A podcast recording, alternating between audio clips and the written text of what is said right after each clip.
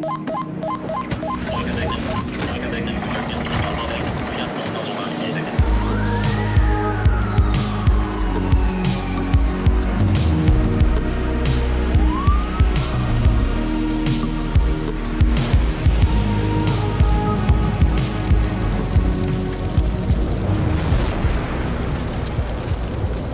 Velkommen tilbake til en ny episode av Brannkast. I dag handler episoden om noe de aller fleste har hørt om, men kanskje ikke er så godt kjent med. I dag skal vi snakke om det store brannløftet. Og i dag er mine gjester Monica Ran, Dan Botten og Unn Delen fra prosjektet Det store brannløftet. Velkommen skal dere være. Tusen takk. Takk, takk. Så hvem er dere? Hvis vi skal begynne med deg, Unn. Hvem er du? Ja, hvem er jeg? Jeg er Unn Delen. Jeg eh, er i dag eh, administrerende direktør i Gjensidigestiftelsen. har vært med i stiftelsen siden dag én. Så det har vært en utrolig spennende reise, jobbreise. Eh, privat så er jeg fra Fettsund og har bodd mesteparten av mitt liv i Lillestrøm. Og da vet du hvilket fotballag jeg heier på, tenker jeg. Vålerenga? Nei, absolutt ikke. Det kunne kanskje vært ålreit å nevne også at jeg har vært gift med en brannmann i 40 år, da, så jeg har et lite si, brennende hjerte for uh, Brann-Norge. ja, det er veldig bra. Uh, og så har vi også Monica med oss. Hvem er du? Kan du også fortelle litt? Ja, um, Monica uh, starter med å si at jeg er 37 år. Jeg. Eh, og så har jeg jobba 15 år av dem i Brannvernforeninga.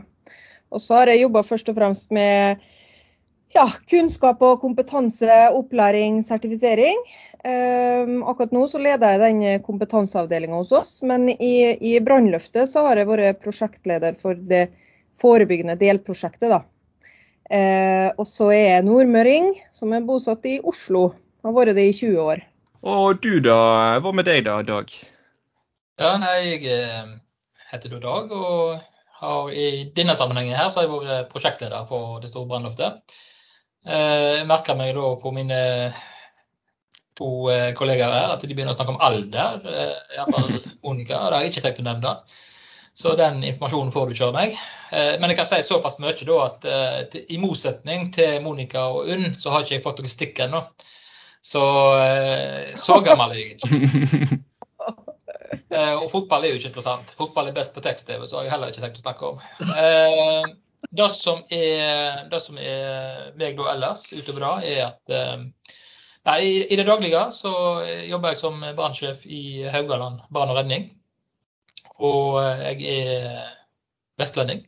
Kommer fra Stord, bor i Fusa og jobber på Haugalandet, så det er jo en sånn litt spesiell sak. Men der har du meg. Og når det gjelder Brannløftet, så er jeg eh, fremdeles eh, en slags prosjektleder.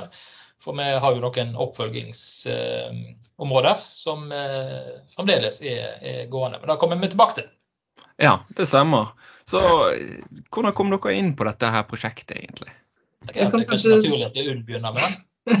Jeg kan kanskje supplere litt med det jeg sa i stad, for jeg var vel kanskje litt rask. Men jeg har mesteparten av mitt yrkesliv, altså fra 88, jeg har vært ansatt i Gjensidige i mange forskjellige roller der. Eh, og, og, da ble jeg jo bedt om å være med å etablere Gjensidigestiftelsen i 2007. Eh, og jeg kjenner jo da Gjensidige og bakgrunnen til, til Gjensidige.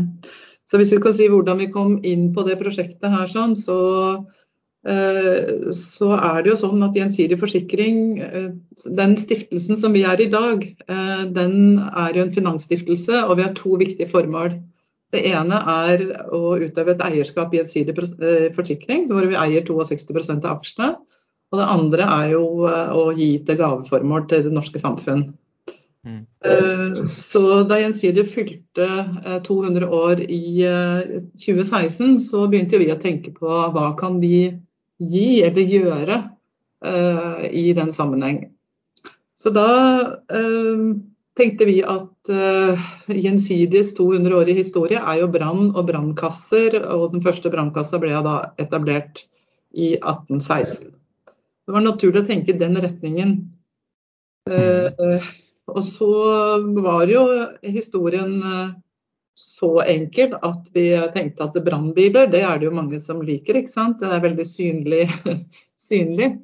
Eh, så vi tenkte at eh, vi undersøkte hvor mange brannvesen var det i Norge. 100 brannbiler fant vi ut at vi kunne gi noe til. En gjennomsnittlig brannbil kosta 3,5 millioner kroner, og da ble det jo 350 millioner kroner som ble satt av til det store brannløftet. Det var der ideen starta. Mm, ja. Men hvis jeg skal gå litt videre på det, så kan jeg jo si at uh, vi fant ut Vi måtte jo sjekke, da. Hva kan vi gjøre som en stiftelse og en, sånn sett en privat uh, aktør? Uh, gjøre noe overfor et Brann-Norge som jo er en, en off, et offentlig ansvar. Så jeg tok jo kontakt med en brannmann som jeg kjente i NRBR, da, som heter Sven Knappskog. Og inviterte han på en kaffe på en på en kafé på Lillestrøm her. En veldig solerik, fin dag, og, og Sven i uniform. Eh, da han fikk spørsmålet fra meg da, så var det godt han satt, det vil jeg si. For da jeg spurte han da at er det sånn, Sven, at uh, Gjensidigestiftelsen uh, kan gi uh, 100 brannbiler til uh, det norske uh, Brann-Norge? og han ble litt satt ut, men kom seg raskt og så sier han brannbiler, det er jo ikke noe spennende. Altså, det er jo ikke det vi, Vi trenger da forebyggende. Har du tenkt på forebyggende tiltak? Har du tenkt på fremskutte enheter? Altså, og der, der starta vi med at Sven da satte oss i kontakt med DSB og med NBLF. Der starta vi. Og det var det vi hadde legget på bordet da. 350 millioner kroner. Hva kan vi som en stiftelse gjøre i samarbeid med Brann Norge eh, for å gjøre Norge til et eh, tryggere sted for norsk befolkningen, som jo er et av formålene til en stiftelse. Da. Og da hadde vi et første møte, eh, var det da i, i, slutten av 14 eller starten av 15, det klarer jeg ikke helt å huske, men rundt på den, det tidspunktet der så hadde vi et første møte med DSB og med Nils Erik i, i NBLF. Og vi fant ut at vi måtte ha en, en prosjektleder for det prosjektet eh, som eh, kjente Brann-Norge, som hadde relasjoner inn der. Og Da kom jo navnet til Dag på blokka med en gang. Eh, så da tok vi ganske raskt kontakt med Dag og var veldig spent på hva, hva han ville tenke. Og eh, ja. Da kan du ta det fra den telefonen, Dag, og hvordan du ja, ja. møtte oss. Jeg husker, jeg husker det første møtet med dere. Eh, jeg var litt spent, vet du, fordi det var den 29. januar 2015. Eh, så lurer jeg på sikkert hvorfor jeg klarer å huske på en sånn dato, om jeg er helt nerdete. Men uh, det, er, det, er, fordi at den 29. januar er en veldig, viktig dag for uh, den norske befolkning, for da har jeg i bursdag. uh, og det var en veldig fin bursdagspresang, følte jeg den gangen. Og dette var jo å bli spurt om å være prosjektleder for et så omfattende prosjekt. der må jeg, si, ble, jeg må jo være såpass ydmyk og si at det, det hadde jeg ikke forventa. Og jeg, jeg, jeg var nok litt sånn Vil jeg klare det? Eh, og litt så skeptisk, men samtidig så var det jo en anledning som jeg, jeg kunne jo ikke si nei til. da. Eh, og jeg må også si at det førsteinntrykket av både UNN og Gjensidigestiftelsen gjorde til at dette ble, dette ble eh, ja, det, det, det, var, det, var, ikke et valg. Det ble, det ble et ja. Jeg, dette vil jeg så absolutt være med på. Så fra starten av 2015 og framover så var Eh, var en i gang med prosjektet. Og en gikk ifra egentlig å ha en idé, eh, som hun har nevnt, eh, til å sakte, men sikkert, både gjennom en styringsgruppe og gjennom et nettverk, begynne å bygge opp og konkretisere hva dette skulle være, og etter hvert å realisere. Så det har vært en lang, spennende og interessant reise på alle måter. Og det viste seg jo veldig fort da, at dette ble jo veldig, eh, et veldig stort kontrollspenn, som vi bruker i fagspråket vårt. Eh, og en eh, var jo nødt til selvfølgelig å begynne å spille på flere ressurser. Tanken var at det var brannvesenet sjøl som skulle være med og, og, og drive dette fram. Og da har det i all hovedsak vært, men innenfor ett område så var vi helt nødt til å ha inn noen som kunne jobbe kontinuerlig med det. Og Da fikk vi den beste av de beste, og da kan dere sikkert lure på hvem vi gir stafettpinnen til. Monica? ja, den, det, derom lær, strides de lærde. Dag, Men Ja, jeg, den forebyggende rollen da, i, i brannløftet, den, eh, den, tilhører jo egentlig ikke meg, den tilhører jo egentlig Norsk brannvernforening. Um, og, og, jeg kom inn på et senere tidspunkt enn en eh, kollega som var der først. Eh, så jeg kom inn i prosjektet i, i, august 2016, og dagen etter jeg kom inn, det var 30. august, og 1. september så måtte jeg holde foredrag på Youngstorget, for det var den dagen alle de brannbilene ble eh, delt ut. Så da, da, tenkte jeg også den natta at jeg ville klare dette her, eh, samme som Dag tenkte. Det gikk, det gikk, greit. Men, men, altså, mitt inntok er jo så enkelt at det, Gjensidigestiftelsen hadde en avtale med Norsk brannvernforening om å lede det, det, forebyggende delprosjektet, og så ble jeg den heldige som ble sendt. Det, har, det, var også for meg en fantastisk mulighet å få, og, og det har vært mange eller artige år med gode relasjoner og et fantastisk prosjekt å få ta, ta del i. Og så må jeg jo si at jeg aldri har vært så populær i hele mitt liv. For jeg hadde jo så mye penger, så jeg hadde jo vet du nesten at jeg hadde draget på alle konferanser, altså, for alle ville snakke med meg. Nå har det dabba av, dessverre. ja, men det, det, det er utrolig leit, da. ja. ja. Nei, men eh, det er jo veldig bra. Interessant. Eh, så hva var egentlig målet? Bare, bare, bare, bare skyte inn der litt, egentlig. fordi at eh, Monica snakker om at det er drag på disse konferansene og sånne ting. Eh, fordi, men, men jeg, jeg, har ikke opplevd det samme, så det er ikke sikkert Monica, at det er ditt som grunnen. Altså. Nei, OK. Får håpe det, da. ja. hvis, vi, hvis, kan supplere litt på det, Eivind, så tenker jeg uh, lite grann, uh, Dag, har du vel opplevd det du også?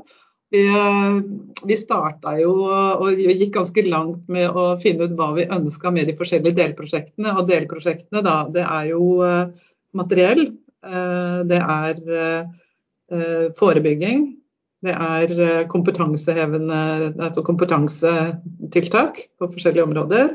Eh, og det er forskning. Det er de fire områdene. Og vi har jobba veldig grundig og godt med de og finne ut hva er det vi skal gjøre. Vi måtte jo velge. Det er jo et stort felt alt det der, men vi måtte jo velge hva det var eh, som skulle være i fokus eh, for oss. da. Så Dag, som han sa, så han skapte jo et stort nettverk og et stort eh, innenfor Brann-Norge, både på frivillig basis og i jobbsammenheng. Men jeg må si jeg er imponert eh, fra min side å se hvor mange mange innenfor Brann-Norge som har stilt opp frivillig og, og, vært med og bidratt til at, eh, at, vi kunne gjennomført prosjektet på den måten vi var, eller har gjort. Og så var det jo, skulle det jo være en lanseringsdag, eh, og det var vel i mars i 2016, var det ikke det da, Dag? Eh, da var det en brannvesenkonferanse hvor vi fant ut at vi skulle overrekke en sjekk på 350 millioner kroner, og det ble justis, daværende justisminister som tok imot den. Og i da introduksjonen av brannløftet på, på, den konferansen, så ba vi om at de i salen som hadde bidratt på en eller annen måte til at brannløftet var kommet så langt som det var kommet, at ba dem reise seg. Og da var det vel nesten en tredjedel i salen i dag som reiste seg, og i hvert fall borti 100 mennesker. Det var et veldig sånn sterkt øyeblikk. Eh, for da, da, var det jo ikke blitt Da var det fortsatt uh, holdt uh, hemmelig, om du kan si det sånn, fordi vi ønska en overraskende introduksjon. Uh, så det, det var, var, veldig, var, veldig, moro. en annen ting av det var jo det at Dag fikk jo noen kommentarer at ja, det er det du har holdt på med det siste halvannet året. så, så, det har vært mye arbeid, da, mye forberedende arbeid før vi, før vi gikk ut. Men det som òg var interessant med det, var jo at altså, det at vi klarte å holde det faktisk lukka og hemmelig eh, helt fram til lanseringen, det var jo ikke en selvfølge. Og, eh, men, men, utrolig nok det gikk. Men det som òg var interessant med den historien der, Lund, er jo at eh, dette var jo hemmelig for eh, de som var med òg. For eh, de visste jo bare om den delen de sjøl var med på. Så eh, jeg tror ikke noen av de som hadde vært med, forventa heller at det var så mange som på en eller annen måte hadde, hadde vært med. For dette var jo fordelt mellom de ulike, ulike delprosjektene. Så eh, de som jobba med bil f.eks., visste ikke om at det var noe som het forskning og utvikling, eller som het eh, forebygging. Så Nei, det gikk, gikk bra, da. Det var, var artig. Mm. Det var gøy. Det var mange overraska ansikter som så seg rundt i salen og så på hverandre. så, så, det er jo litt, litt, interessant å kunne gjøre ting på den måten. Da. Ja, altså, eh, Dere er jo inne på disse forskjellige prosjektene. Altså, hva, er det, hva er det som er blitt gitt, egentlig, hvis vi skal gå inn på det? Det vi satte av, kan vi vel si litt av de 350 millionene, så satte vi vel av borti 200 millioner til eh, materiell, vel. Vi Mm. satte av 80 millioner til forebyggende tiltak. Vi satte av 35 millioner til forskning og utvikling, og vi satte av det resterende til eh, kompetansehevende tiltak. Og så var det, jeg nevnte vi kanskje så vidt i stad, men det vi var veldig opptatt av, var jo at vi ikke skulle overta det offentliges ansvar, men forsterke det. Så det er derfor dialogen har hatt veldig god dialog med DSB og med departementer, som, som gjør at vi også overfor dem holdt det hemmelig helt til uka før introduksjonen. Så de kunne ikke legge noe inn i sine planer. Eh, Så dette var, eh, var en overraskelse også, også for dem. Så vi jobba helt til stille. Så kan vi kanskje komme litt tilbake til hvordan vi jobba med de forskjellige prosjektene. Men målet var jo det som jeg sa innledningsvis. Eh, Som en stiftelse så har du noen formål. Mm. Eh, Og, og formålet vårt og visjonen vår i Gjensidigestiftelsen er jo å skape et tryggere samfunn. Eh, Og da å bidra til det på vår måte med å gi penger der hvor vi ser at vi kan utløse andre krefter og være med å bidra til varig endring. Det er eh, det som er eh, det øverste ønsket for oss når vi satser på større prosjekter. Ja, veldig bra. Men eh, når dere gjør disse her, f.eks. for eksempel disse bilene, da, eh, hva skjedde med de eldre brannbilene da? Eh, gikk de videre i, eh, i gener altså, gikk de videre til andre stasjoner, eller ble de sendt noen steder? Jeg kan si litt om det. Det, det som, eh, først vil jeg bare si litt eh, til det, som vi var på nå. Eh, det, som var, viktig eh, for prosjektet, det var å få en dreining fra å handle om brannbiler eh, til å handle om brann. Eh, og innenfor brann så er det jo kanskje det viktigste vi driver med, er jo det, det som er før brann oppstår. Altså forebygging, forskning utvikling, den biten der. Så vi har, vi har brukt veldig mye, veldig mye tid i prosjektet på de områdene. Men, men, vi kan begynne litt med, med, med brannbiler, ja. Eh, brannbiler er jo for mange eh, veldig interessant, og diskusjonene går jo på om han skal være gul eller han skal være rød. Eh, sikkert interessant det òg, men det var ikke den store diskusjonen i, i prosjektet i hvert fall. Det som var, var, for oss, det var å skape en eh, bil. Innovativ, altså innovasjon var nøkkelordet. Det var å eh, komme med den bilen som eh, ivaretok eh, både dagens behov, men òg fremtidens behov. Og fremtiden er jo ikke lett å, er så lett å, å se, men jeg ser veldig mange av de tingene som vi gjorde i, for fire-fem år siden, de, de, står seg den dag i dag. Selv om det er bare fem år siden, men, men ting ting var, en var, en var fremoverlent og var innovativ, og vi hadde med oss veldig dyktige folk på dette området her. Og de, Vi kalte det ekspertgrupper, og de fikk en føring fra meg. Vi skal lage fremtidens brannbil. Og så viste jeg bilder av en sånn flygende brannbil omtrent. altså så bare trekke den helt ut, Sånn at de fikk lov til å virkelig utfolde seg. Og da, den jobben den, den satte jeg nok pris på. Og de bilene som, og de spesifikasjonene som kom opp, de, de var, var, veldig bra. Men selvfølgelig, den ble ikke flygende, men, men ble, det ble mye eh, gode, gode, løsninger på, på eh, brannbilene. Uh, jeg er litt, litt, litt, redd for å nevne navn på hvem som har vært med. Skjønner, fordi at så, jeg er så redd for da, at jeg ikke tar med og glemmer noen. Men eh, til alle hundre hundre navn i dag. Eh, den første gruppa vi begynte med, det var kjøretøygruppa. Eh, og det ga mersmak. Det var en gjeng utrolig positive og flinke ja-mennesker. Og de var faglige dyktige. og jeg må si jeg, Når jeg opplever den type mennesker, og får lov til å jobbe med dem, så tenker jeg at det, det må jaggu meg finnes mye godt stoff ute i norske brannvesen. Altså.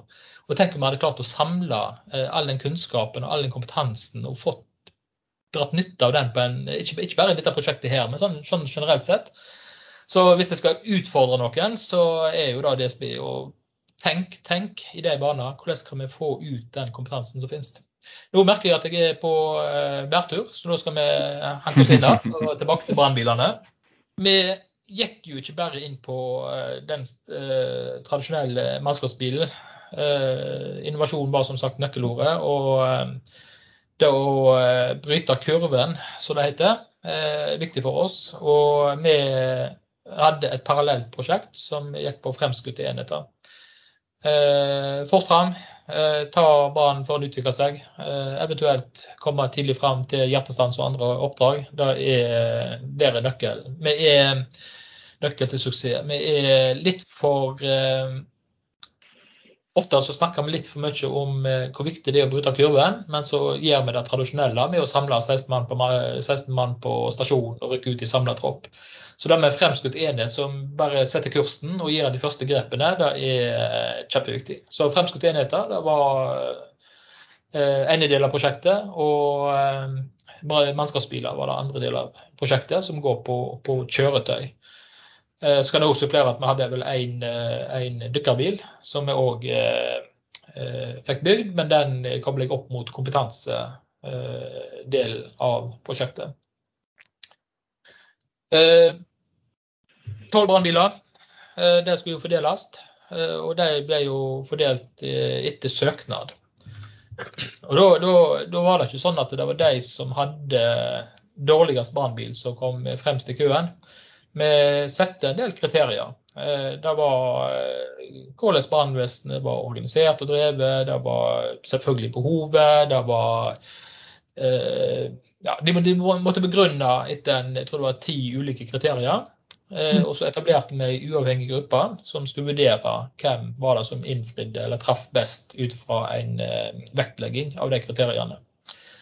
Og da, eh, da eh, ble det jo noen som ble veldig glad for dette. Selvfølgelig noen som ble også skuffa, for eh, de hadde veldig sterkt ønske om en sånn bil. Men, men det er ti biler, og det er vel 200 brannvesen, så det, det, gikk jo ikke. Men jeg er sikker på at de som ikke fikk bil, gleder seg på vegne av de som, som, som fikk bil. Og så sier du at, så stilte du spørsmål om hva gjorde du med de gamle bilene. Eh, litt forskjellig. Eh, ut fra kriteriene så var det som sagt ikke da at den eldste bilen eh, i Norge ble skifta ut som følge av dette prosjektet her. Så vi sto igjen med ti biler, og jeg tror det var fem av de var såpass bra at de hadde en restverdi, eller hadde fremdeles en levetid som fort kunne bli 10-12-15 år. Så vi tok kontakt med en stiftelse som heter THK. Eh, tro, håp og kjærlighet. Det syns jeg høres så utrolig flott ut. Eh, og de, eh, de eh, har eh, et eh, nettverk nede i Korosten i Ukraina, rett utenfor Tsjernobyl. Og de fem bilene de rusta meg opp. Brukte litt penger på det, sånn at de var så gode som de kunne bli. Og vi fikk òg sette utstyr på bilene eh, gjennom ulike donasjoner.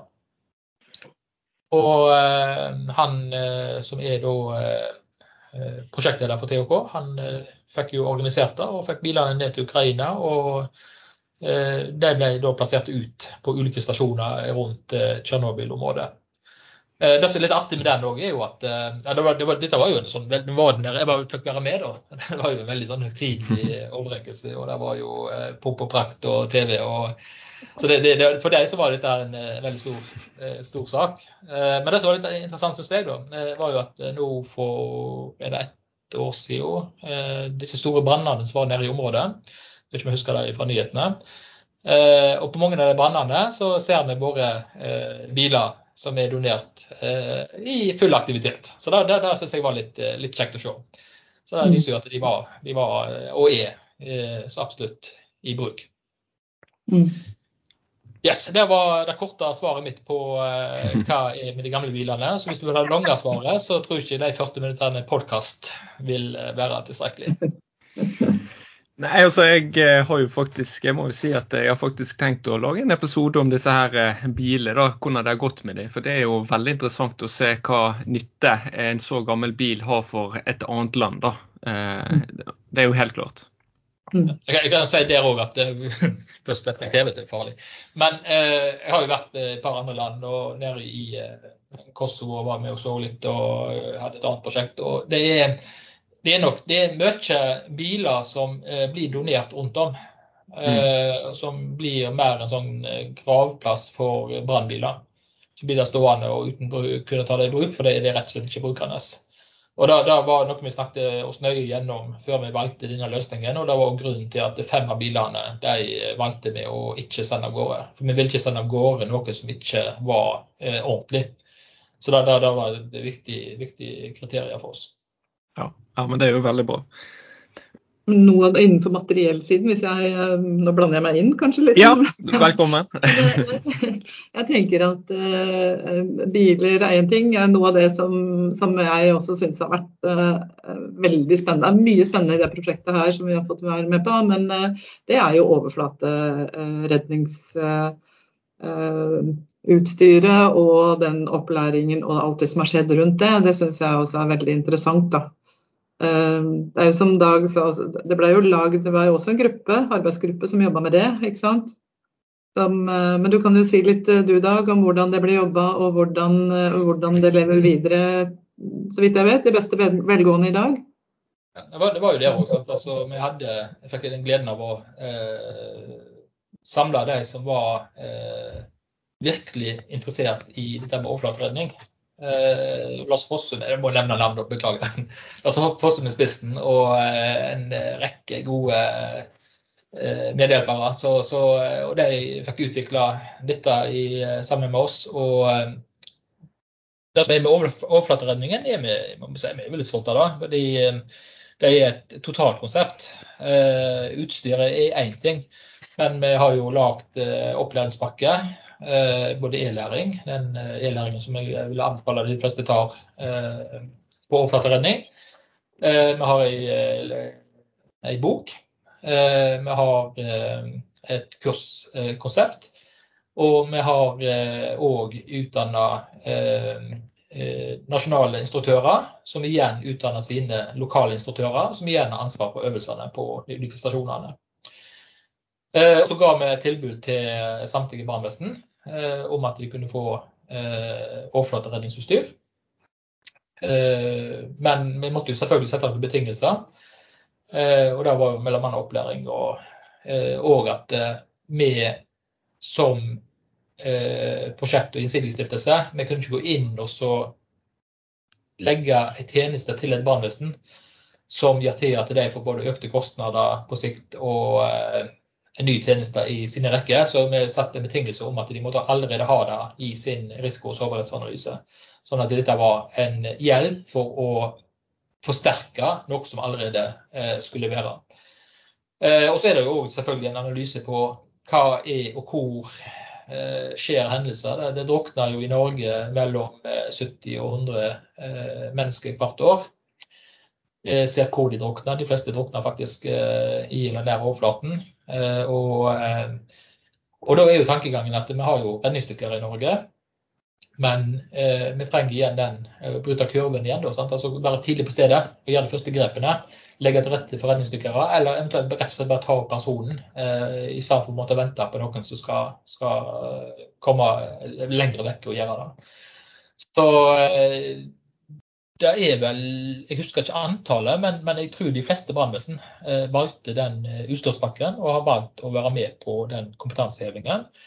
Og dette er jo veldig aktuelt i disse dager. Eh, vi ser at det er drukninger imellom, og dette med overflateredning og redningsdykkerberedskap blir tatt opp eh, regelmessig i nyhetene som, som, som aktuelle og viktige tema.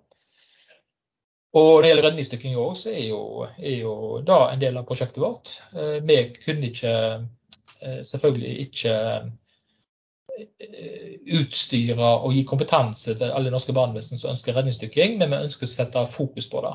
Så vi, vi eh, lot brannvesen søke på en redningsdykkerbil, eh, komplett utstyr og komplett kompetanse.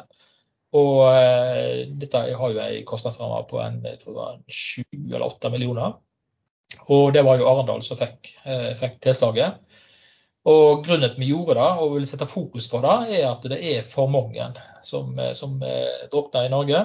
Og den eh, beredskapen som er for drukningsulykker, den er ikke ut fra en risiko, risiko og sårbarhet. den er nok mer ut ifra hva brannvesenet i Norge som har pondus, eh, kapasitet, til å ha den tjenesten. Og derfor så, så og, altså Jeg skjønner sånn må det nesten også være, men, men eh, det var viktig å få satt søkelys på det og bedre den beredskapen i et område som eh, vi mente, og det sjøl mente som søkte, ikke var, var god nok. Ja, jeg tenker jo Det er jo rett fokus da å få fram eh, det her med drukning. da. Du ser jo at det er flere som dør av drukning da enn eh, i brann. da, Men vi bruker jo mest mulig penger på eh, brann. da. Så et uh, lite løft har jo det vært behov for. og det, jeg ser jo i, Nå i nyere tid så har det kommet veldig veldig mange uh, dykkertjenester og beredskap. Ja, nei, og det, det gleder meg uh, hver gang, uavhengig av dette prosjektet, men hver gang jeg kan lese at en, brannvesen har vært ute og redda liv. Det kan være trafikken, det kan være drukning, det kan være brann, men da vet jeg at her ligger det utrolig mye bak. Og det, det, er, det er ja, det er godt å ta med seg. Eh, og så I forhold til eh, det her med forebyggende. Nå har vi snakket litt om eh, brannbiler og kursing og overflateredning. Så har, har, dere jo også gitt penger til det forebyggende prosjektet. Altså, kan dere snakke litt om de? Ja, vi må hoppe over det, Monica, skal vi ikke det? Jo da. Brannbiler er vel tilbake til nå, skjønner du. Ja, ja. Det er, mest, det, er det fineste å se på, brannbiler. Ja. Vent litt, vent litt. Hvilke farger skal eh, brannbil være? Har dere noe eh, Jeg kan være mest upolitisk her, kanskje. Jeg kan tillate meg å være det, eller det kan hende alle, alle også kan. Det var, Dag sa fort at det ikke var, ikke var noe stort tema eh, i prosjektet hvilken farge bilen skulle ha, for de måtte være røde. så nå er det litt sånn fargekart i enkelte brannstasjoner. Eh, så i hvert fall Den ene som ligger nær meg, de fikk jo en fremskutt enhet, altså NRBR, men de hadde noe, har noen gule biler som jeg ser kjøre rundt her. Da, men, eh, men det, da så ikke jeg ut fra følelser og ikke noe annet enn eh, det. Du vil kanskje mer inn på standardisering og litt sånn, Dag, men det kan vi jo ikke. Før Monica slipper til, da. Bare se det, det viktigste er selvfølgelig forebygging. Det var bare en spøk i stad. Men, men, når det gjelder farge på bil, da. Det som om en rød eller gul er ikke så viktig for meg, men synligheten er viktig. Og synligheten der går ikke nødvendigvis bare på farge, det går eh, vel så mye på dekor, eh, blålys, eh, kjøremønster osv. Og så er òg gjenkjenneligheten viktig. Hva er det bilisten som skal reagere på et utrykningskjøretøy? Hva er det han forventer? Uh, og det han forventer, det er det hjernen reagerer først på. Så hvis han forventer en rød brannbil med blålys og full pakke, så er, så er det en god løsning. Uh, dette med gule brannbiler og kontra røde brannbiler, det er sikkert et, et interessant tema da òg. Vi tar neste podkast på det, tenker jeg. Ja. Så skal vi nok, nok svare på det.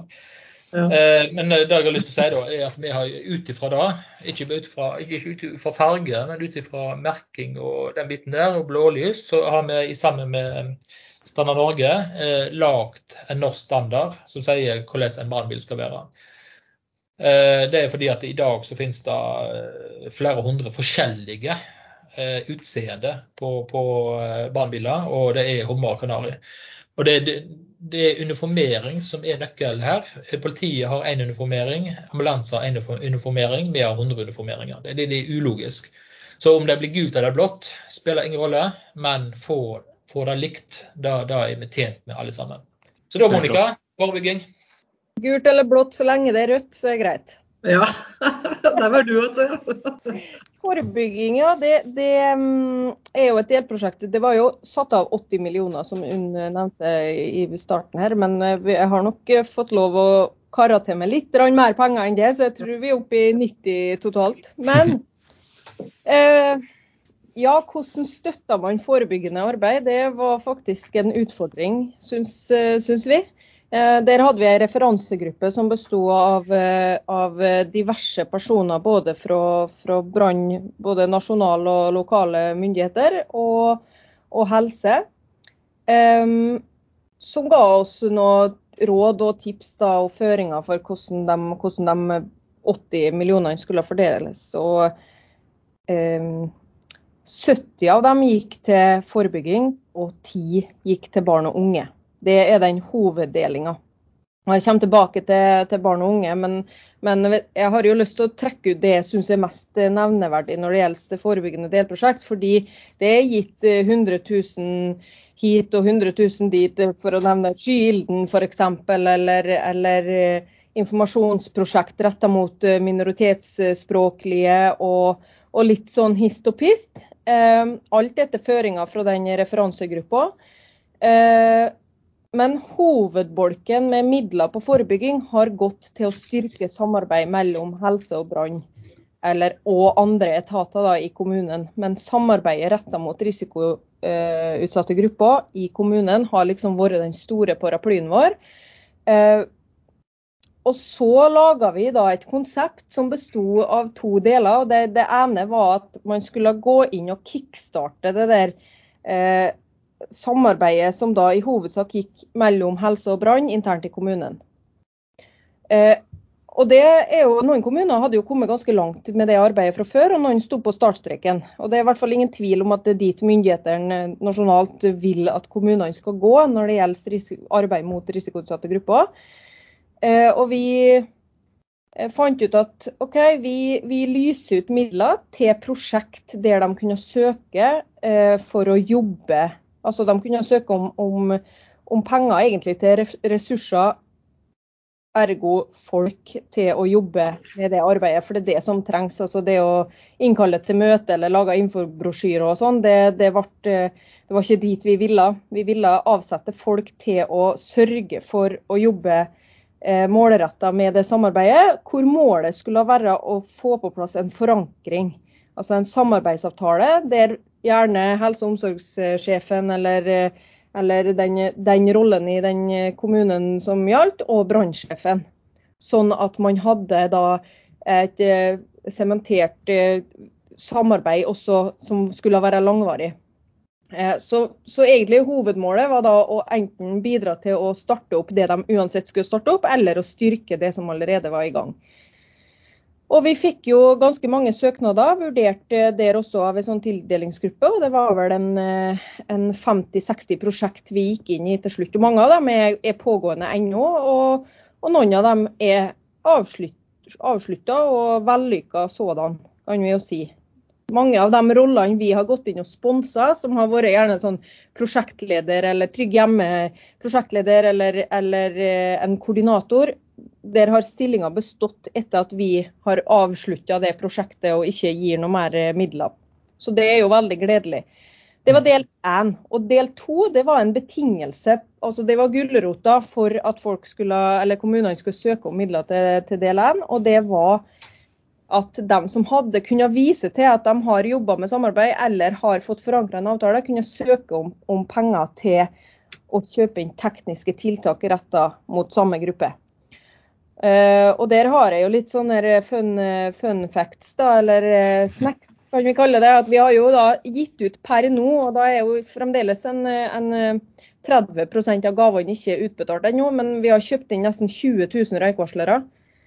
Eh, og fi, over 4000 komfyrvakter og 200 eh, mobile slokkeanlegg.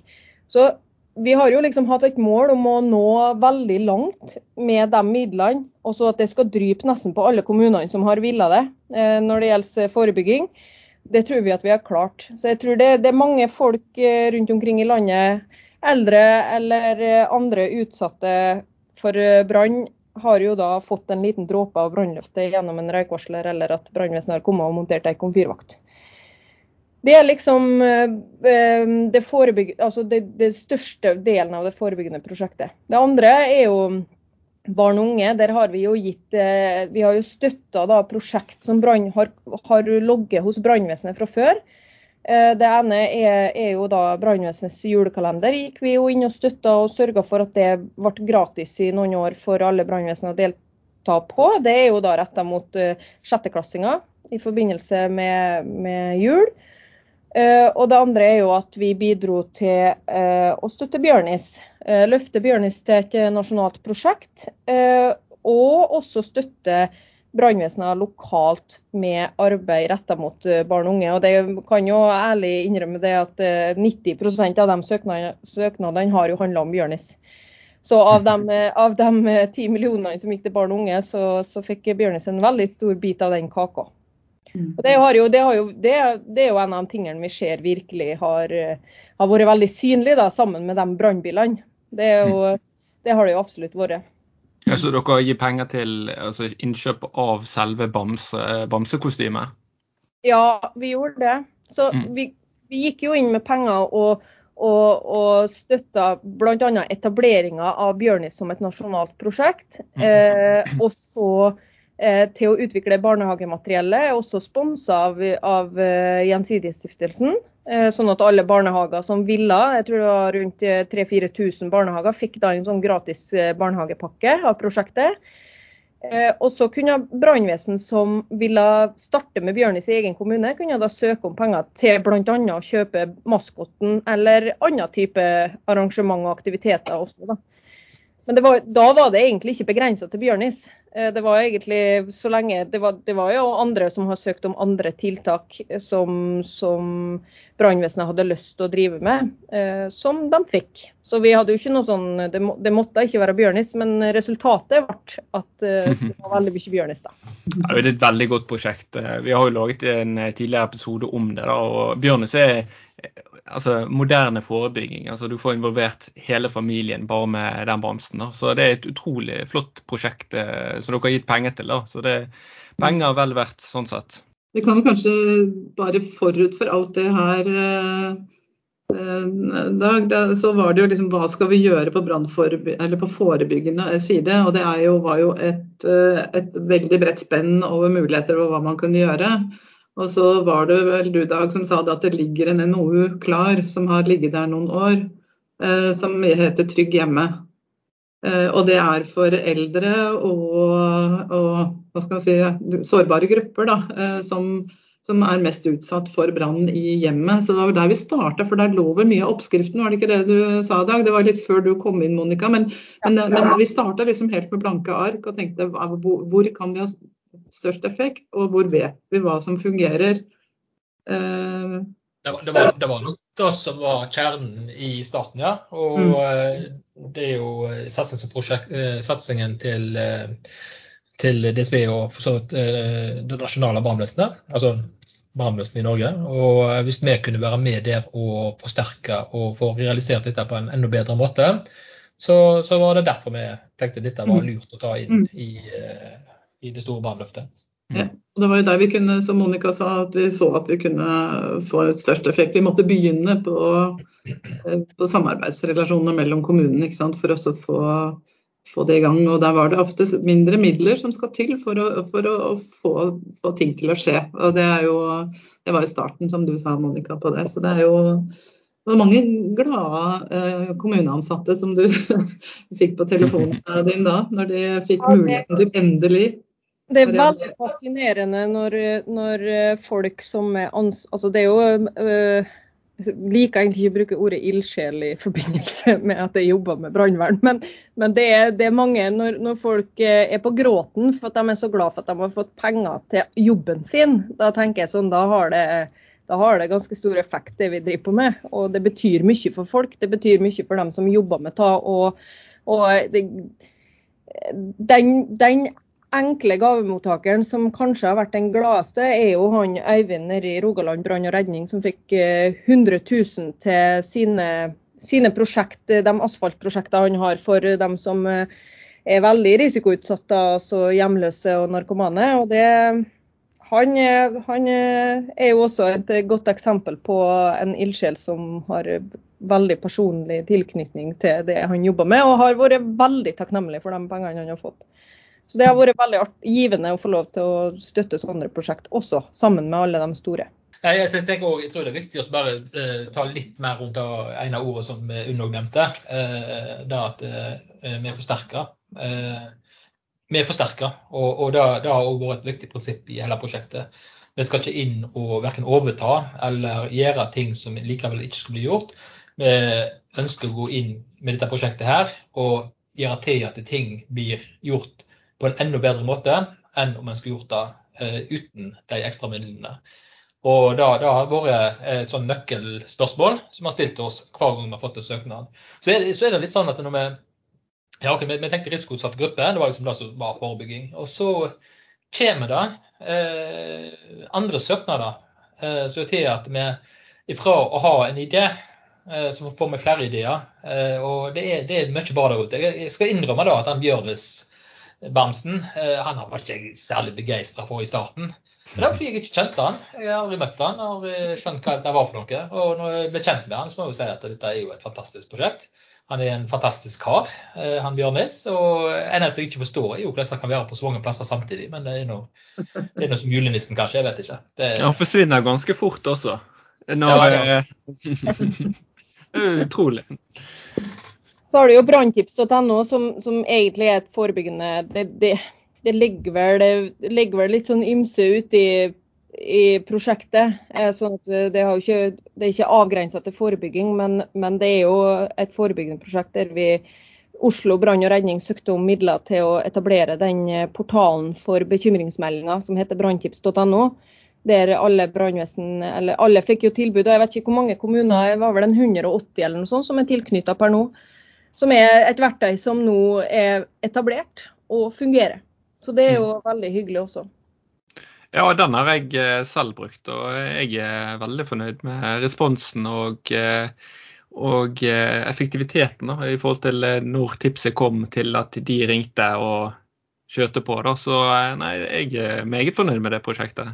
Ja, og det er jo et sånn forsterkningsprosjekt der Oslo brann og redning egentlig har tenkt å lage noe for seg sjøl. Og så har de eh, rett og slett eh, eh, tenkt at de skulle etablere et callsenter hos seg. Mm. Og, så, og, så, begynner de å se muligheter og begynner å gå i diskusjon. Gikk da i diskusjon med oss og drøfta er det hvis vi tar på oss det nasjonale ansvaret og lager for hele landet, vil, vil det gå an? Eh, og så går jo heldigvis eh, vi og styringsgruppa i Gjensidigestiftelsen med på det. Fordi at det har vært mye gule Post-It-lapper med bekymringsmeldinger rundt omkring. Eh, og ymse Excel-ark. mens nå har de mulighet til å, til å bruke det, den nettsida, da. Så det Ja, og jeg tenker jo akkurat det med at hvis vi samarbeider, altså hvis vi tenker litt større og begynner å samarbeide bedre, så kommer vi til å, nå enda lenger. Da. Og det er jo nettopp kanskje det brannvesenet bør bli flinkere på, å samarbeide imellom seg bedre. Og Branntips er et godt eksempel på et godt samarbeid, det vil jeg si. Jeg har lyst til å nevne litt, om, litt mer om kompetanse. Ja. Eh, og Noe som fremdeles pågår, er jo et prosjekt som heter, heter Ledelse. Er i samarbeid med, med DSB og Norges brannskole så har vi vært med å utvikle eh, modul E, som det heter. Er eh, enhetlig ledelsessystem og opplæringspakken rundt den biten der. Så nå eh, er det på samme måte som overflateredning, så foreligger det nå i disse dager en e-læringsmodul, ganske omfattende. Skal da dekke tre dager på brannskolen. Og så skal de to siste dagene være oppmøtebasert, hvor vi går gjennom ulike case og øver på dem. Eh, det, dette er jo det tilsvarende gamle eh, femdagers eh, ELS-kurset. Så dette blir nå eh, litt forsinkelser pga. Eh, China-viruset til Trump. Eh, men det er forhåpentligvis så får vi dette ut nå eh, i løpet av, eh, av høsten. Iallfall er det satt inn i kalenderen når opplæring av instruktørene skal være, og når de da skal videre med sine, sine kurs. Og så En annen ting som kan være greit å få sagt, det er noe som gjerne drukner litt i alt det andre, men som er kanskje det vi er noe av det viktigste vi har drevet med, det er forskning og utvikling. Vi har uh, gått inn med 35 millioner. Kanskje, uh, kanskje, det burde vært mer. Det, er, det, er, et viktig område og faktisk å ha kunnskap i bånn for alt vi driver med. og uten den kunnskapen så blir veldig mye det vi, gjør både i brannvesenet, men òg for så vidt ellers, det blir basert på følelser, det blir basert på hva vi tror. Eh, det blir basert på ildsjeler som har spesielle interesser. Men har vi kunnskap i bånn, så kan vi gjøre det litt mer eh, trygt på at det er valgene vi tar, eh, det er i rett retning. Og det er ut ifra sånn verden faktisk er. Så vi utlyste jo midler gjennom Forskningsrådet. Og har etablert, eller det er etablert i Trondheimsmiljøet, RISE, et senter for brannforskning. Hvor 30 millioner er nå blitt til 80 millioner. Og Det er jo et eksempel på at det ikke bare forskning i seg selv som er viktig her, men det er å gi midler inn som skaper flere midler, og så òg gir noe som kan bli vedvarende. Det er, det er vårt håp og ønske om at dette senteret, forskningssenteret, som er fokusert på brann, at det da er levedyktig òg etter at disse midlene er, er brukt opp. Kjempeviktig for Norge, kjempeviktig å ha forskning også her. Og dette er selvfølgelig en dråpe i havet, men det er, det er på en, en start på et hav. Mm. Men hva er det de forsker på der oppe, da? Ja, dette er jo alt ifra eh, eh Skal vi finne fram lista her. Eh, de det er jo litt spennende å, å, å snakke litt om hva, hva, er det liksom pengene går til i forhold til forskning. Hva, altså, vet du om et stort prosjekt eller to? Du trenger ikke nevne alle hvis det er mange, da. Men, eh. Nei, det er, ikke, det er ikke så mange. Eh, en del går på nye Eh, ny teknologi, eh, og mm. hvordan vi brannfolk skal forholde oss til, eller brannvesenet skal forholde seg til den nye teknologien. Det er alltid fra batteri og eh, og det er jo noe som er, skaper veldig mye usikkerhet i norske brannvesen. Det er jo nettopp dette her med eh, Vi har med elferje, vi har eh, autonome ferjer som er på el, vi har eh, elser, jeg vet ikke du, jeg har kanskje en elbil òg. Eh, Sjøl kjører jeg rundt i siste modell av Teslaen. Nei, jeg gjør ikke det. Men det, jeg kunne det, men det var en avsporing. Eh, det er, det men det er alle disse tingene her. Hvordan eh, eh forholder vi oss eh, til det? Eh, og hva er riktig måte å forholde seg til det? Eh, det er bygningsteknologi. er en, altså da igjen mot ny teknologi. Branndynamikk blir aldri feil, så det er et område de har fått midler til. Beslutningsstøtte i håndtering av hendelser. Vi har òg eh, kobla det opp mot eh, eksponering. Eh, og der, har vi òg, i tillegg til de eh, som går via dette senteret, så har vi òg gitt eh, restfinansiering til Kreftregisteret og STAMI, som har det prosjektet som går sammen med Brannmenn mot kreft. Så vi har vært med på mer enn bare, bare dette senteret. Og så har vi òg gitt midler til eh, to stipendiater nede i eh, Haugesund, eh, på Høgskolen, på Vestlandet. Hvor de da ser på noe som er veldig aktuelt i disse dager, eller aktuelt i går og til dels i dag, med tanke på den brannen som er på Sotra. Det er grensesnittet, utmarksbranner opp mot bebyggelse. Og når er risikoen stor? Eh, og hva kan gjøres for å redusere risikoen. Eh, mm. Dette er noe som har vært og kommer til å være eh, viktig å ha god kunnskap på for å kunne gjøre gode tiltak på framover. Ja, absolutt.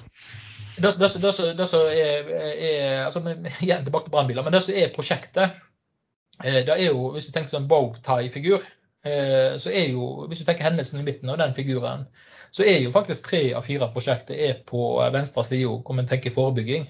Altså det er for, eh, forskning, det er forebygging og det er kompetanse. Alt før hendelsen inntreffer. Og det, det, det er sånn vi må møte utfordringene våre fremover. Det er før de skjer. Det er der du kan gjøre noe. Og når de først skjer, så skal du ta de så fort som mulig. Og det er det som er det siste prosjektet vårt. Det er da fremskutte enheter og brannbiler og utstyr. Så hvordan har egentlig responsen vært på dette store brannløftet? Du pekte på Dag. Nei, det, er, det, er, det er eh, ikke sånn eh, lett å gi et eh, godt svar på det. Eh, vi stiller jo sjøl spørsmålet, vi òg, i, i, prosjektet og Gjensidigestiftelsen, selvfølgelig. Det som vi derfor har gjort, eh, det er at vi har eh, gjennom et firma som heter Menon, så har vi eh, gjort en følgeevaluering. Nettopp for å se hva effekt brannløftet faktisk har hatt. Men da, har vi ikke hatt muligheten til å gå inn i materien på absolutt alle områder. Så vi har valgt ut noen områder. Det er innenfor forebygging, som vi har sett på effekt. Vi har sett det inn på fremskutte enheter. Eh, vi har sett at, eh, vært innom dykking, eh, og vi har vært innom overflateberedskap. det det er da det evaluerer for oss. Og da har de da, eh, Den følgeevalueringen den har de da drevet med nå fra 2018, og de avleverte vel ferdig rapport her for litt siden. Og eh, definitivt, eh, brannløftet eh, lever. Eh, veldig mange av de tingene som ble, eh, ble lansert i sin tid, de pågår i dag. Jeg tror ikke Eh, det er noen eh, av de tingene som var prosjekt, som ikke er i øvrig drift på en eller annen form. Så sant det ikke er prosjekt ennå, for det er det jo. Det er jo, det er jo fremdeles ting som ikke er sluttført. Eh, fordi at når de søkte om noe, så, så var tidsplanen den var gjerne 5-10-15 år. Så, og sånn skal det være. Forskningsprosjektet for eksempel, er jo bare nett kommet i gang. Så det som var jobben vår, var jo å få dette opp, få inn søkere, vurdere søkerne vi vurderte ikke, da, det var jo internasjonale ekspertgrupper, men, men å få dette eh, opp og gå. Og så eh, er eh, forventningen som sagt at dette skal, skal, leve videre av seg sjøl når vi slipper tak i det. Og eh, så langt så ser dette veldig, veldig lovende og positivt ut. Det må vi få si. Mm. Det støttes fra min side. Altså, vi har jo organisert eh, med de 350 millioner kronene så organiserte vi arbeidet med en intern styringsgruppe, som jeg har sittet i, hvor Dag også har vært eh, fast medlem. Så vi har jo fulgt hele veien og tenkte hva, hva kan vi gjøre? Vi må jo, vi må jo oppsummere eh, det arbeidet som er gjort over såpass mange år og så mye tiltak. Eh, oppsummere om, om, det har noen effekt, og hva er det som har effekt og ikke har effekt. Som er nyttig også for Brann-Norge seinere, vil jeg tro. Det som, eh, det som, eh, så fra vår side så er vi jo veldig fornøyd med, med det store brannløftet. Eh, og jeg tenker Noe av suksesskriteriene har jeg lyst på å skryte litt, så da ser jeg sikkert dagen ned. Men, men om du kan bruke så uformelt ord som lykken for oss da, i stiftelsen, mm. var å finne prosjektleder som virkelig kjente Brann-Norge, kjente fagområdene og hadde kontaktnettet og hadde Eh, en eh, si, både evne og energi og vilje til å virkelig ta tak i et såpass um, uklart En uklar start, da, men med masse muligheter. ikke sant? Så, så det er, For oss er det når vi har store prosjekter, så ser vi jo det at vi er helt avhengig av, av å ha gode prosjektledere. Og når Monica kom inn også i tillegg, gode samarbeidet mellom de som har så sentrale jobber i i eh, et så stort prosjekt eh, er et uh, viktig suksesskriterium for å få til for å få gjennomført det her. Så, så det, det har jeg bare lyst på å gi all honnør. Og i tillegg til det selvfølgelig, som vi sa litt innledningsvis også, hvor mange som fra fagmiljøene og fra Brann-Norge som, som, har stilt opp hele veien og, og bidratt på veldig mange gode måter. Så, så, for oss har dette vært veldig veldig lærerikt og veldig bra. Og, og ja. Jeg, men, men, hvis du spør meg da om midler, så har vi jo nå brukt opp de 350 millioner kronene. altså Ikke kanskje akkurat på krona, men vi har jo brukt opp det som har vært avsatt. Vi ser jo det at på forskningssiden så, så, er det jo viktig å prøve å formidle videre. Så det vi gjør nå, prøver også gjennom vårt nettverk i næringslivet og forskjellige organisasjoner å få også andre til å være med i, i, i disse sentrene for å være da, private aktører med inn, både med penger og med, med kompetanse. Mm. Så det, det, håper vi at, at, kan fortsette, sammen med at Brann-Norge har jo på en forbilledlig måte også tatt tak i, i tingene og viderefører uh, veldig mye av det. Og det er jo for oss uh, i hvert fall uh, veldig godt å se hvor, hvor, hvor godt Brann-Norge har tatt imot det her. Vi, vi kommer inn og var vel litt forsiktige, vi kan vel si det, i Dag. For vi vet jo at som privat aktør, vi skal ikke komme inn der og, og, og altså Vi må, måtte gjøre det på en, på en ordentlig måte, da. Uh, og vi vet jo at Brann-Norge var godt organisert, uh, mye god kompetanse. Så, så, så noe av det viktigste for oss var jo å komme inn på en sånn måte at, eh, at vi var tydelige på det med å forsterke det, det som alt det bra som er gjort. Og da var vi helt avhengig av gode prosjektledere også fra, og støttespillere fra, fra Brann-Norge. Men det er ikke slutt ennå, som det er sagt. Det er veldig interessant å se Det er fortsatt, særlig mellom media som vi følger med, men også gjennom Monica og Dag når de opplever noe. Det, det skjer mye fortsatt. Mm, mm. Som et følge av brannløftet. Det, skjer, det er jo mye aktivitet som er en konsekvens av brannløftet og fremdeles også er et prosjekt i dag. Og så, mm. så tror jeg at Forutenom oss som sitter i, i, i prosjektet eller i styringsgruppa, så tror jeg det er det ville tatt en arbeidsdag å forklare alle forgreiningene og alt som er knytta til brannløftet. Så sånn sett svaret på spørsmålet på hva responsen har vært, er jo eh, gedigen. Fordi det, det En ting er alle dem som har bidratt en, i en eller annen form, en annen er, er, jo alle dem som har søkt og mottatt. Og, og det andre er jo alt det andre som er generert, f.eks. gjennom branntips.no eller Eh, BRIS f.eks. Der har vi også gått inn og forsterka BRIS. Som, som BRIS har, eh, altså DSB utvikla jo BRIS sjøl, men vi gikk inn og, og eh, hva skal jeg si da, styrk, styrka det at, at, det skulle bli åpen BRIS, altså den portalen som resten av Brann-Norge, eller resten av Norge har hatt behov for. Sånn at det, det er, det er, ikke sjelden at jeg sitter på et foredrag på en konferanse, om den er digital eller har vært på andre måter, eh, eller deltatt i et møte, og så eh, står folk og presenterer noe. Og så sitter jeg kanskje som den eneste som sitter og vet at ja, men det der er jo faktisk sponsa av Brannløftet, det. sin tid. Så det er veldig, veldig sånn Det er som et veldig stort sånn årenettverk utover, da. Så ja. Mm. Jeg tenker litt sånn, Hva hadde skjedd hvis ikke vi hadde fått dette her brannløftet? Hvor hadde vi vært da? For det har jo vært et enormt løft, egentlig. Jeg kan svare på forebygging, for det er bare veldig viktig å presisere at det som gjøres når det kommer opp mot NOU-en om Trygg hjemme og de rapportene som DSB har gitt ut, og veilederne om samarbeid og alt sånn, alt det arbeidet hadde ville jo skjedd før eller senere uten brannløftet, men det vi bidro til, var en kickstart. Og, mm. frams, og det er jo det Menon også sier av det de har målt, at, at vi har, har, har, bidratt til å framskynde og forsterke det framfor altså Det er jo ikke sånn at, at hvis vi ikke hadde gått inn og støtta de prosjektene, så hadde kommunene aldri begynt å jobbe med det de egentlig skal og mm. blir veiledet til å gjøre.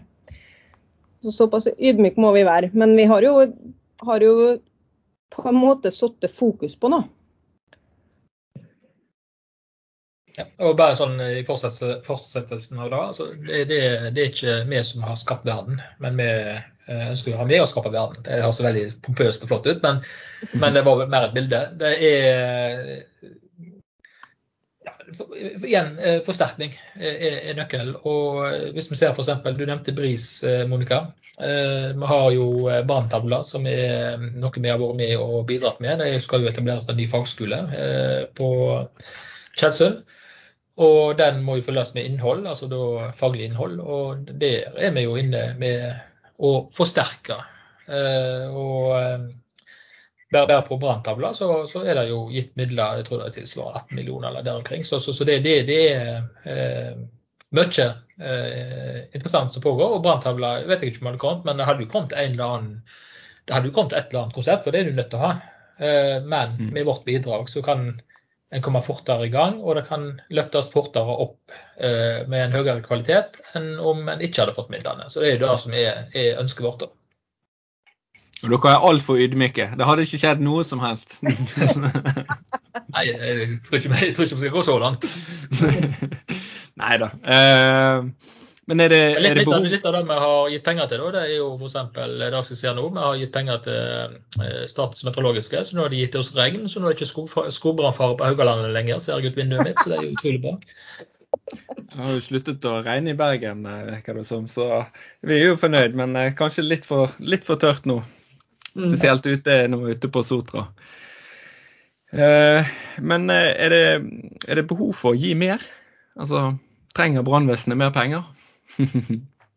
Svaret er jo selvfølgelig er behovet der. Eh, og behovet da er jo på mange måter utømmelig. da. Det er jo ikke begrensninger for hva en har lyst å gjøre som er fornuftig å gjøre. Men, men sånn, sånn er nå verden. Altså, dette var jo et Eh, en markering eh, av et eh, jubileum til Gjensidige. og Gjensidigestiftelsen.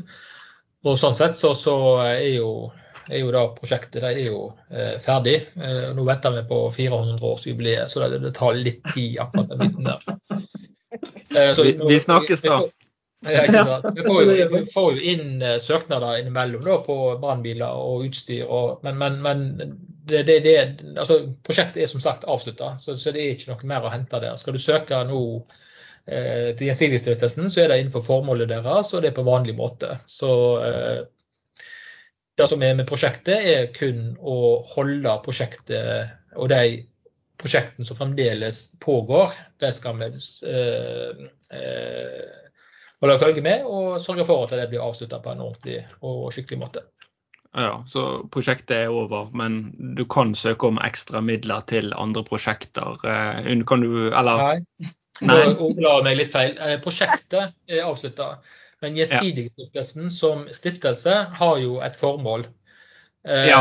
Men det, det har ingenting med brannvesenet å gjøre, og det handler mer opp mot den frivillige delen av, av befolkningen. Da kan du selvfølgelig, Unn, som er, dette er ditt, si litt mer om. Jeg bare nikker, jeg er helt enig. Altså, vi har jo utlysninger innenfor eh, trygghet og helse, som det heter. og der, der, der altså, Vi informerer om hva man kan søke om, men, eh, men det går ikke på, på, denne type materiell og tiltak. Nei.